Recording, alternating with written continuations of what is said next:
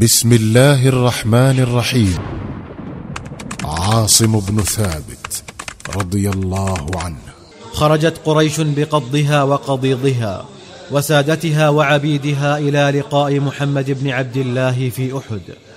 فقد كانت الأضغان تشحن صدورها شحنا والثارات لقتلاها في بدر تستعر في دمائها استعارا ولم يكفها ذلك. وإنما أخرجت معها العقائل من نساء قريش ليحرضن الرجال على القتال ويضرمن الحمية في نفوس الأبطال ويشددن عزائمهم كلما ونوا أو ضعفوا. وكان في جملة من خرجت معهن هند بنت عتبة زوج أبي سفيان وريطة بنت منبه زوج عمرو بن العاص وسلافة بنت سعد ومعها زوجها طلحة وأولادها الثلاثة مسافع والجلاس وكلاب ونساء كثيرات غيرهن. ولما التقى الجمعان عند أحد وأخذت نار الحرب تستعر قامت هند بنت عتبة ومن معها من النسوة فوقفن خلف الصفوف وأخذن بأيديهن الدفوف وجعلن يضربن عليها منشدات. إن تقبلوا نعانق ونفرش النمارق أو تدبروا نفارق فراق غير وامق. فكان نشيدهن هذا يضرم في صدور الفرسان الحمية ويفعل في نفوس أزواجهن فعل السحر. ثم وضعت المعركة أوزارها وكتب فيها النصر لقريش على المسلمين. فقامت النسوة وقد استفزتهن حمي الظفر وطفقن يجسن خلال ساحة المعركة مزغردات. وأخذن يمثلن بالقتلى أفظع تمثيل. فبقرن البطون وسملن العيون وصلمن الآذان وجدعن الأنوف. بل إن إحداهن لم يشف غيظها إلا أن جعلت من الأنوف والآذان قلائد وخلاليل وتزينت بها انتقاما لأبيها وأخيها وعمها الذين قتلوا في بدر. لكن سلافة بنت سعد كان لها شأن غير شأن أترابها من نساء قريش. فقد كانت قلقة مضطربة. تنتظر أن يقبل عليها زوجها أو أحد أبنائها الثلاثة لتقف على أخبارهم وتشارك النسوة الأخريات فرحة النصر. بيد أن انتظارها قد طال عبثا فأوغلت في أرض المعركة وجعلت تتفحص وجوه القتلى فإذا بها تجد زوجها صريعا مضرجا بدمائه فهبت كاللبؤه المذعورة. وجعلت تطلق بصرها في كل صوب بحثا عن أولادها مسافع وكلاب والجلاس فما لبثت أن رأتهم ممددين على سفوح أحد. أما مسافع وكلاب فكانا قد فارق الحياة. وأما الجلاس فوجدته وما تزال به بقية من ذماء. أكبت سلافة على ابنها الذي يعالج سكرات الموت ووضعت رأسه في حجرها. وجعلت تمسح الدماء عن جبينه وفمه وقد يبس الدمع في عينيها من هول الكارثة. ثم أقبلت عليه وهي تقول من صرعك يا بني؟ فهم أن يجيبها لكن حشرجة الموت منعت. فألحت عليه بالسؤال فقال صرعني عاصم بن ثابت وصرع أخي مسافعا ثم لفظ آخر أنفاسه.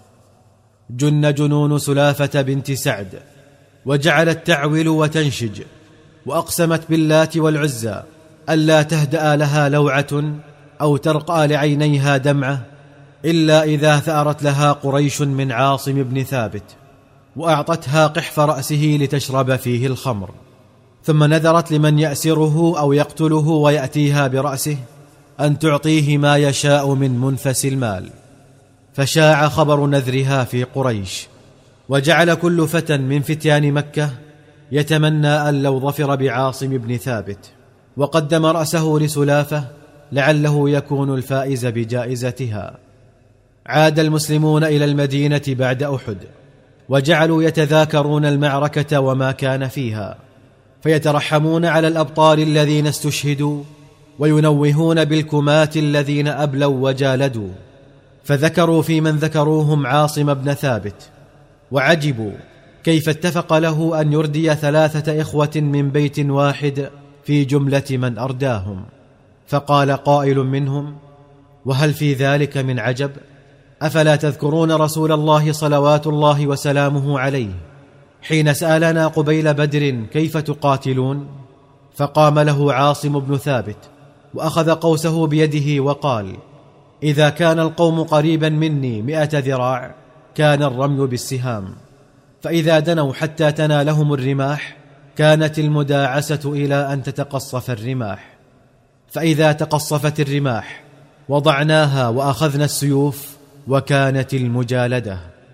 فقال عليه الصلاة والسلام هكذا الحرب من قاتل فليقاتل كما يقاتل عاصم. لم يمض غير قليل على أحد حتى انتدب رسول الله صلى الله عليه وسلم ستة من كرام الصحابة لبعث من بعوثه وأمر عليهم عاصم بن ثابت. فمضى النفر الأخيار لإنفاذ ما أمرهم به النبي عليه الصلاة والسلام. وفيما هم في بعض الطريق غير بعيد عن مكة علمت بهم جماعة من هذيل فهبوا نحوهم مسرعين وأحاطوا بهم إحاطة القيد بالعنق. فامتشق عاصم ومن معه سيوفهم وهموا بمنازلة المطبقين عليهم. فقال لهم الهذليون إنكم لا قبل لكم بنا وإننا والله لا نريد بكم شرا إذا استسلمتم لنا ولكم على ذلك عهد الله وميثاقه. فجعل صحابة رسول الله صلى الله عليه وسلم ينظر بعضهم إلى بعض كأنهم يتشاورون فيما يصنعون. فالتفت عاصم إلى أصحابه وقال أما أنا فلا أنزل في ذمه مشرك. ثم تذكر نذر سلافة الذي نذرته وجرد سيفه وهو يقول اللهم إني أحمى لدينك وأدافع عنه. فاحم لحمي وعظمي ولا تغفر بهما أحدا من أعداء الله. ثم كر على الهذليين وتبعه اثنان من أصحابه. وظلوا يقاتلون حتى صرعوا واحدا بعد آخر. أما بقية أصحابه فاستسلموا لآسريهم فما لبثوا أن غدروا بهم شر غدرة.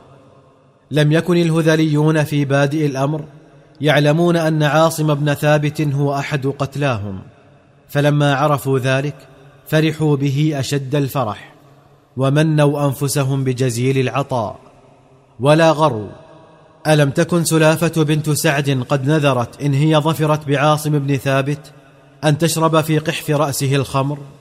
ألم تكن قد جعلت لمن يأتيها به حيا أو ميتا ما يشاء من المال؟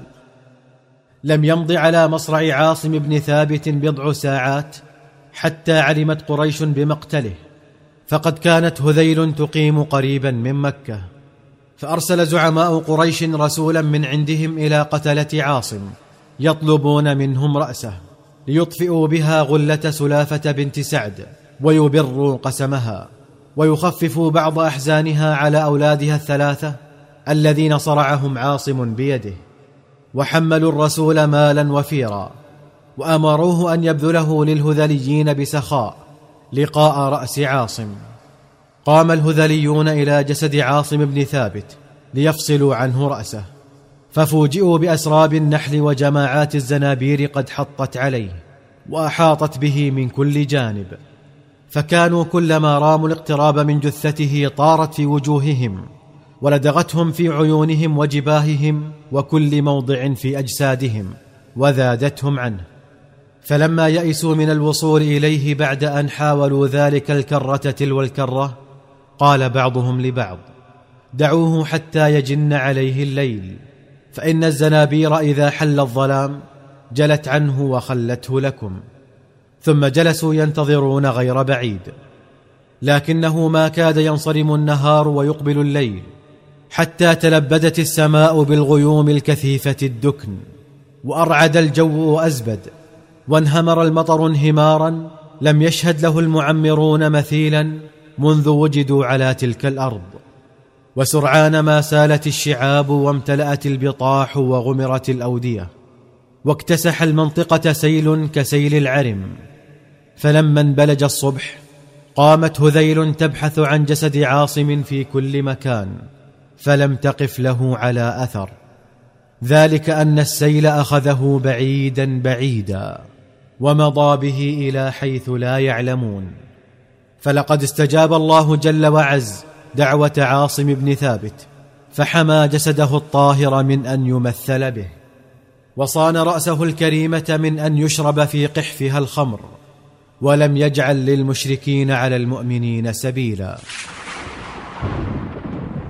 من قاتل فليقاتل كما يقاتل عاصم بن ثابت محمد بن عبد الله.